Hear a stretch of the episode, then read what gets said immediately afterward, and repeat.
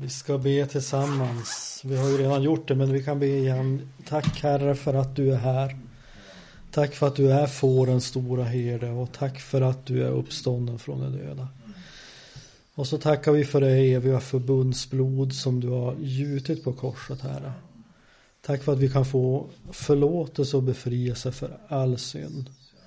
Och så ber vi Herre att du den här stunden ska öppna skrifterna för oss. Och att du gör våra hjärtan brinnande. Tack för att vi får be i Faderns, Sonens och den heliga Andes namn. Amen, amen. Tack Herre. Låt oss läsa tillsammans ifrån Johannes. Det som är dagens text idag. Johannes 10 11 till 16.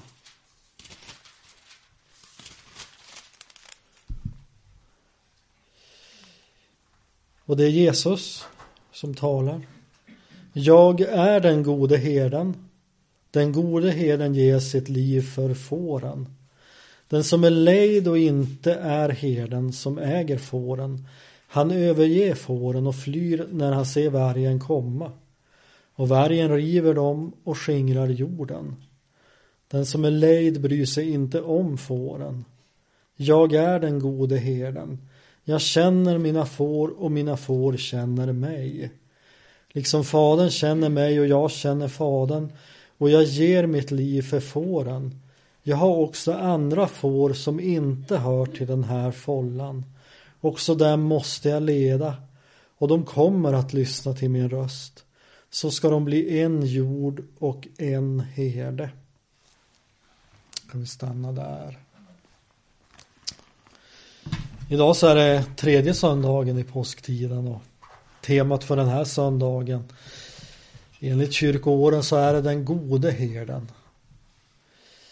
Eh, I den gammaltestamentliga läsningen så får ju profeten Hesekiel han får ju bära fram Herrens ord till Israels falska herdar som har sig själva i centrum för sitt ledarskap.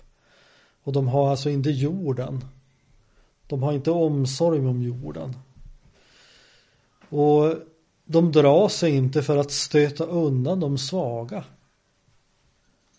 Ska ni vara med här eller ska ni sjunga här eller? Utan Hesekiel profeterar eftersom ni med sida och bog stöter undan alla de svaga och stångar dem med era horn tills ni har drivit ut dem och skingrat dem. Därför ska jag rädda mina får så att de inte mer blir byte och jag ska döma mellan får och får. Och så får ju Hesekiel blicka in hur, hur denna räddning ska gå till. Eh, och vi får lyssna vidare till Hesekiel. Jag ska låta en herde uppstå gemensam för dem alla. Och han ska valla dem, nämligen min tjänare David. Han ska valla dem och vara deras herde. Jag, Herren, ska vara deras Gud och min tjänare David ska vara förste bland dem. Jag, Herren, har talat. Och det här var direkt citat ifrån Hesekiel 34 verserna 23 till 24. Och det är ju det här som går bokstavligt till fullbordan i Nya Testamentet. Jesus kallar sig själv för den gode herden. Men han kallas också för Davids son. När Jesus rider in i Jerusalem på en åsna så ropar skaran av människor Hosianna Davids son. Välsignad är han som kommer i Herrens namn. Hosianna i höjden. Matteus 21 och 9. Och läser man Jesus släkttavla i Matteus så är ju en av huvudpoängen att visa just detta att Jesus är Davids son. Och han är uppfyllelsen av de här gammaltestamentliga profetiorna som visar på att Messias skulle vara ifrån Davids släkt.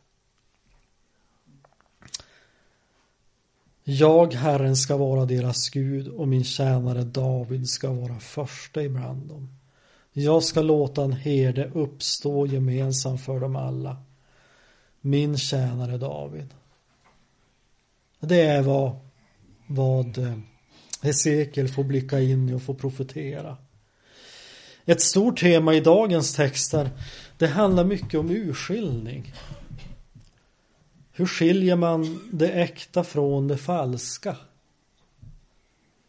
Hur ska man hur skiljer man en äkta herde från en falsk herde? Hur lär man känna igen en äkta herde? När Jesus säger om sig själv att han är den gode herden så använder han ett grekiskt ord för just den gode som i sin grundbetydelse betyder vacker. Och det används ofta i betydelsen att vara det vill säga vara mönstergill, att vara idealisk, att vara felfri.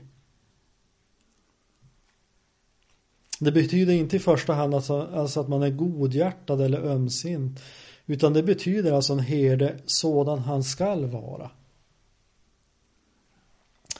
Och vad kännetecknar en sådan herde? Ja, Jesus ger själv svaret. Det är en herde som ger sitt liv för fåren. Och det här är verkligen Guds hemlighetsfulla vishet. Det här har vi väldigt svårt att förstå. För i denna världen så är det tvärtom så att fåren ger sitt liv för herden. Många tyska soldater fick ge sina liv när Adolf Hitler skulle breda ut sin makt och lägga hela Europa under död och mörker. I Guds rike så är det ju som riket annorlunda. Det är liksom precis tvärtom. Här möter vi herden som han skall vara. Och det främsta kännetecknet det är, det är att herden ger sitt liv för fåren. Och jag tror att Jesus ser framför sig sin egen död och uppståndelse. Han ska i kärlek ge sitt liv frivilligt för att frälsa oss ifrån en evig död och mörker. Och när Jesus kallar sig själv för den gode herden när han säger att jag är den gode herden så gör han ju också gudomliga anspråk. Bara i dagens saltasalm som är saltaren 23 så skriver David Herren är min herde, mig ska inget fattas. Och i grundtexten så används just gudsnamnet Jag är. Han är Israels rätte herde. Det är Herren. Så när Jesus kallar sig själv för Jag är den gode herden så går det ju helt tydligt tillbaka till de här texterna i Gamla Testamentet som talar om hur han som är, han som kallar sig för jag är, att han är Israels rätta herde. Om man läser vidare i psalm eh, 23 så står det bara i verserna 4 till 6 att även om jag vandrar i dödsskuggans dal så fruktar jag inget ont för du är med mig. Din käpp och stav det tröstar mig. Du dukar för mig ett bord i mina fienders åsyn. Du smörjer mitt huvud med olja och låter min bägare flöda över. Ja, godhet och nåd ska följa mig alla mina livsdagar och jag ska bo i Herrens hus för alltid. Eller som det stod i 17 års evinnerligen. Alltså Herren är med oss i dödsskuggans dal därför att han har själv gått igenom dödsskuggans dal. Och så har han öppnat den här nya vägen till det dukade bordet. Uppståndelsens liv. Glädjens liv. Saliga visshet Jesus är min. Och så står det att han låter vår bägare flöda över. Och det är verkligen så det står i grundtexten. Det är inte som det står i Bibel 2000 att bägaren bara fylls till bredden. Alltså stopp, stopp, stopp. Nu, nu häller vi inte i mer. Utan Gud ger av sin nåd och det flödar över. Det flödar verkligen över. Hans godhet och nåd, det är någonting som följer oss alla dagar. Och vi har löftet om en evighet tillsammans med tillsammans i gemenskap med Herren. Det står att vi ska bo i Herrens hus för alltid. För alltid. I dagens text så, talas det om lejda herdar. Och i motsats till Jesus som herde så talar Jesus om lejda herdar. Anställda herdar kanske man om man vill använda ett lite modernare ord. Och så sammanfattar han deras verksamhet med att konstatera att de inte bryr sig om fåren. Vad är en lejd herde? Nu kommer välsignelse här, det kommer vatten. Tack. Eh, vad är en lejd herde? Är det fel att ha anställda pastorer? Om vi ställer den frågan. Är en pastor, alltså anställd av en församling, är det en som inte bryr sig om sina församlingsmedlemmar? Är det så vi ska förstå texten? Ja, vargen, vi möter ju ordet med vargen och det är ju en träffande bild på djävulen. Dels så, så arbetar djävulen så att han river enskilda får och skapar liksom sår och elände. Och eh, han, han tillfogar dem djupa sår och skador. Dels så arbetar han så också, så arbetar vargarna så att de skingrar jorden. Och skingrar de jorden, då kan de lättare ge sig på ett enskilt får. Och i det så ligger ju all en splittring som skadar en hel församling. När, när liksom splittringen får, får liksom fäste i Guds församling. Personligen så tror jag inte att, att vi behöver vara rädda för att anställa pastorer och, och församlingsledare. Jag tror att den lejde herden, det är liksom bilden av de förkunnare, de pastorer, de andliga ledare som går in i tjänsten med så att säga grumliga motiv. Det kan vara vinningslystnad. Alltså att man, eh, man går in i tjänsten därför att man vill tjäna pengar. Det är det som man har som, som högsta mål för sin tjänst. Det kan vara själviskhet.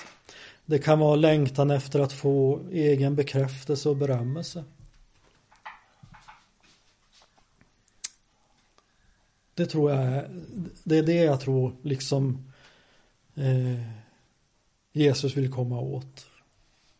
Drivkraften är inte kärleken till Jesus och hans jord. Utan på något sätt så finns, så är drivkraften något annat.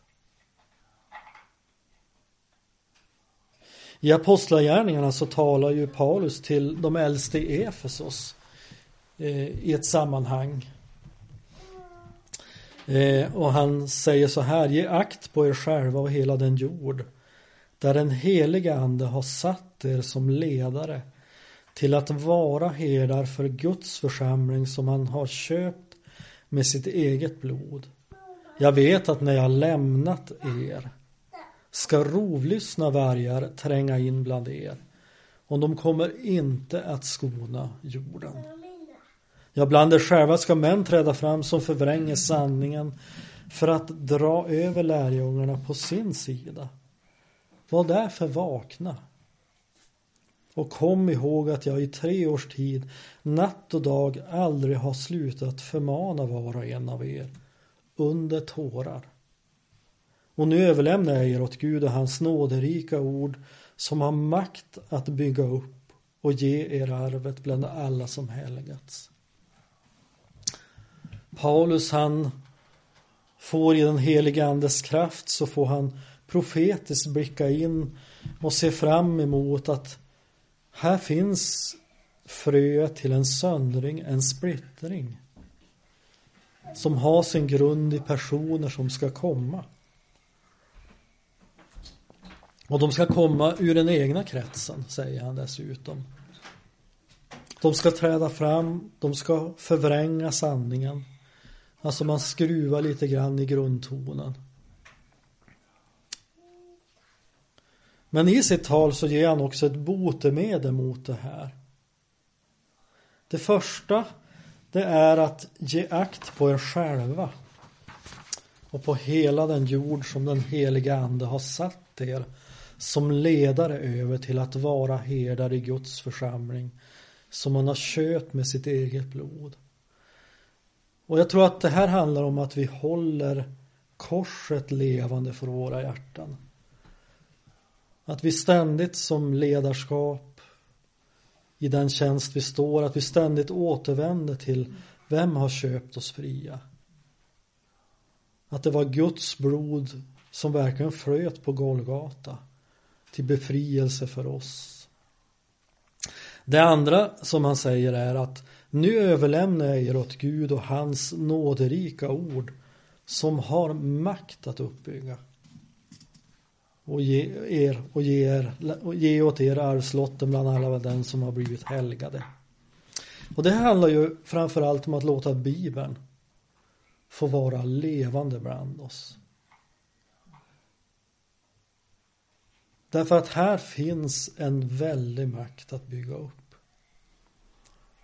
Därför att när vi läser Bibeln så det är det inte som att läsa körkortsteori eller läsa någon, någon universitetsbok. Utan det här är, alltså när vi läser Bibeln så möter vi ju Gud själv. Alltså vi möter ett levande ord. Håller därför vakna och kom ihåg att jag ständigt i tre års tid natt och dag har varnat var och en av er under tårar. Det här tycker jag är väldigt intressant när man blickar in i Paulus apostoliska tjänst.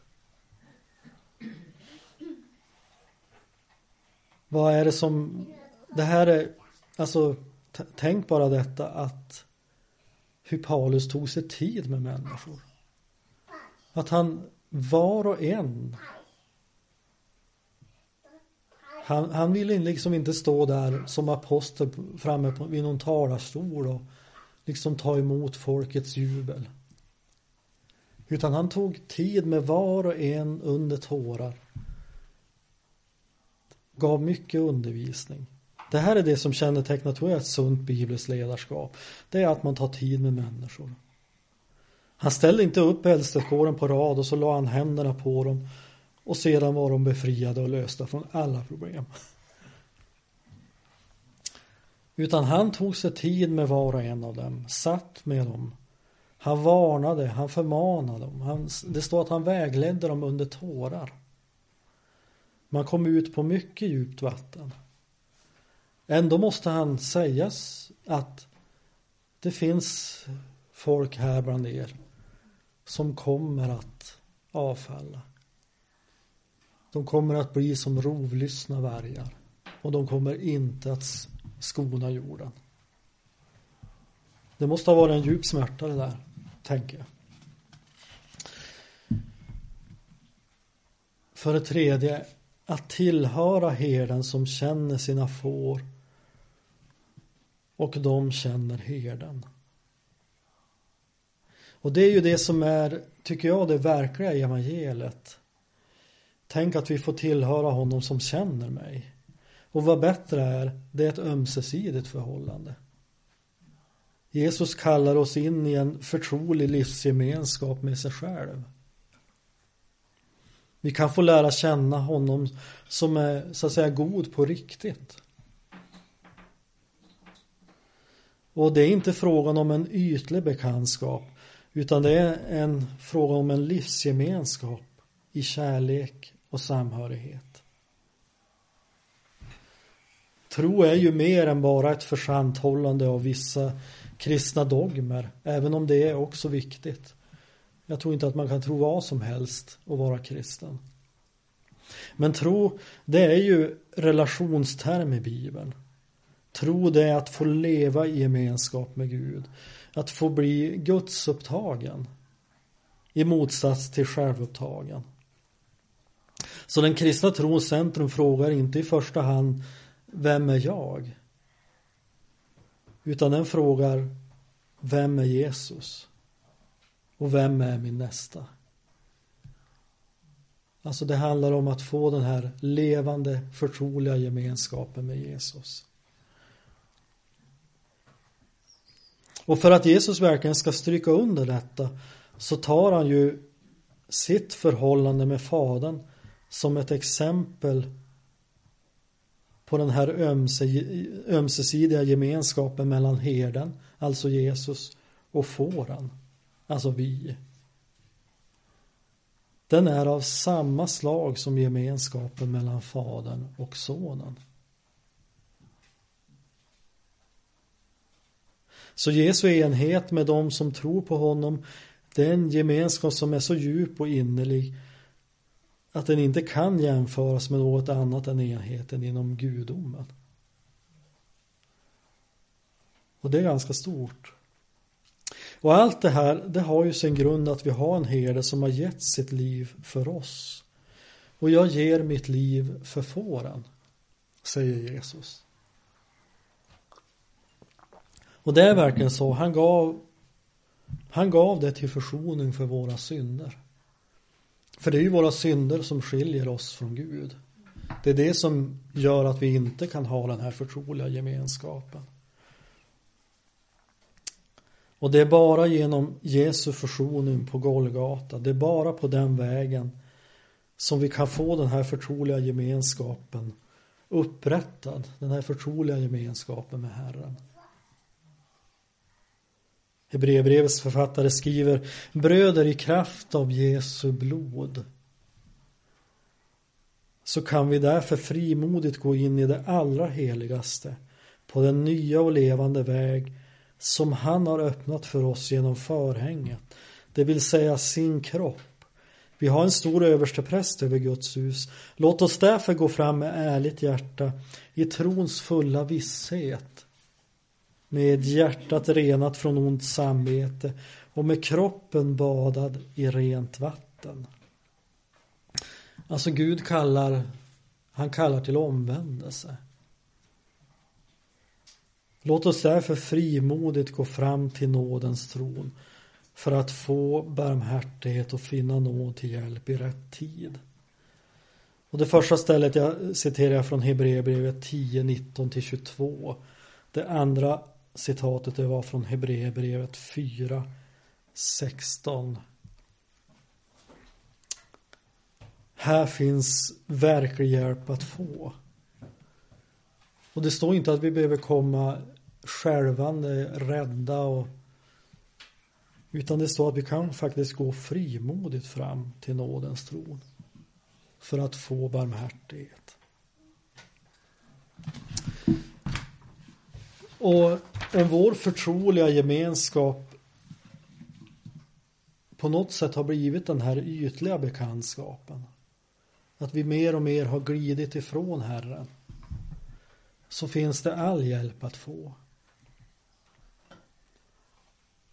Han har öppnat en ny och levande väg. Förlåten är verkligen rämnad. Uppifrån och ända ner. Vägen in till det allra heligaste. Det som den här förlåten, det som på något sätt markerade att den här vägen var stängd. Den är liksom uppriven. Och därför kan vi få möta Gud. Han vill möta oss i sin barmhärtighet. Slutligen, en jord och en herde. Jesus talar om andra får som inte hör till den här follan. När det står follan så tror jag att det är en bild på själva Israel. Evangeliet det förkunnades ju först för Israels folk. Johannes skriver också i inledningen att han kom till sina egna men hans egna tog inte emot honom. Men åt de som tog emot honom gav han rätten att bli Guds barn. Och det Jesus vill visa oss det är detta med att evangeliets budskap det är inte begränsat bara till Israels folk. Utan det här gudsriket är större. Alltså nu utvidgas kallelsen. Nu gäller den alla människor. Jesu död och uppståndelse är någonting som berör alla människor. Och i Jesus Kristus, genom hans försoning på Golgata, så är vi förenade, både judar och hedningar. Vi kan alla få höra hans röst. Vi kan alla få komma in i, i den här liksom förtroliga gemenskapen. Med honom. Paulus skriver, men nu i Efesierbrevet 2, 13-18, men nu genom Kristus Jesus har ni som tidigare var långt borta kommit nära genom Kristi blod. Han är vår frid han som har gjort det två till ett och rivit skiljemuren, fiendskapen. I sin kropp har han satt lagen ur kraft med dess bud och stadgar för att i sig själv göra dem båda till en enda ny människa och så skapa frid. Så skulle han försona de båda med Gud i en enda kropp genom korset, där han dödade fiendskapen han har kommit och förkunnat frid för er som var långt borta och frid för dem som var nära. Genom honom har vi båda i en och samma ande tillträde till Fadern. Och det är ju detta som är det, det stora. Att fiendskapen är dödad genom Jesu död på korset. Och att vi båda, alltså både judar och hedningar, så, så kan vi liksom i en och samma ande så har vi tillträde till Fadern. Fiendskapen är utplånad. Skiljemuren är nedriven. Det är ett fantastiskt budskap. Tack Herre för att du möter oss och vi lovar att prisa ditt namn. Tack för att vi får ha den här, leva i den här förtroliga gemenskapen.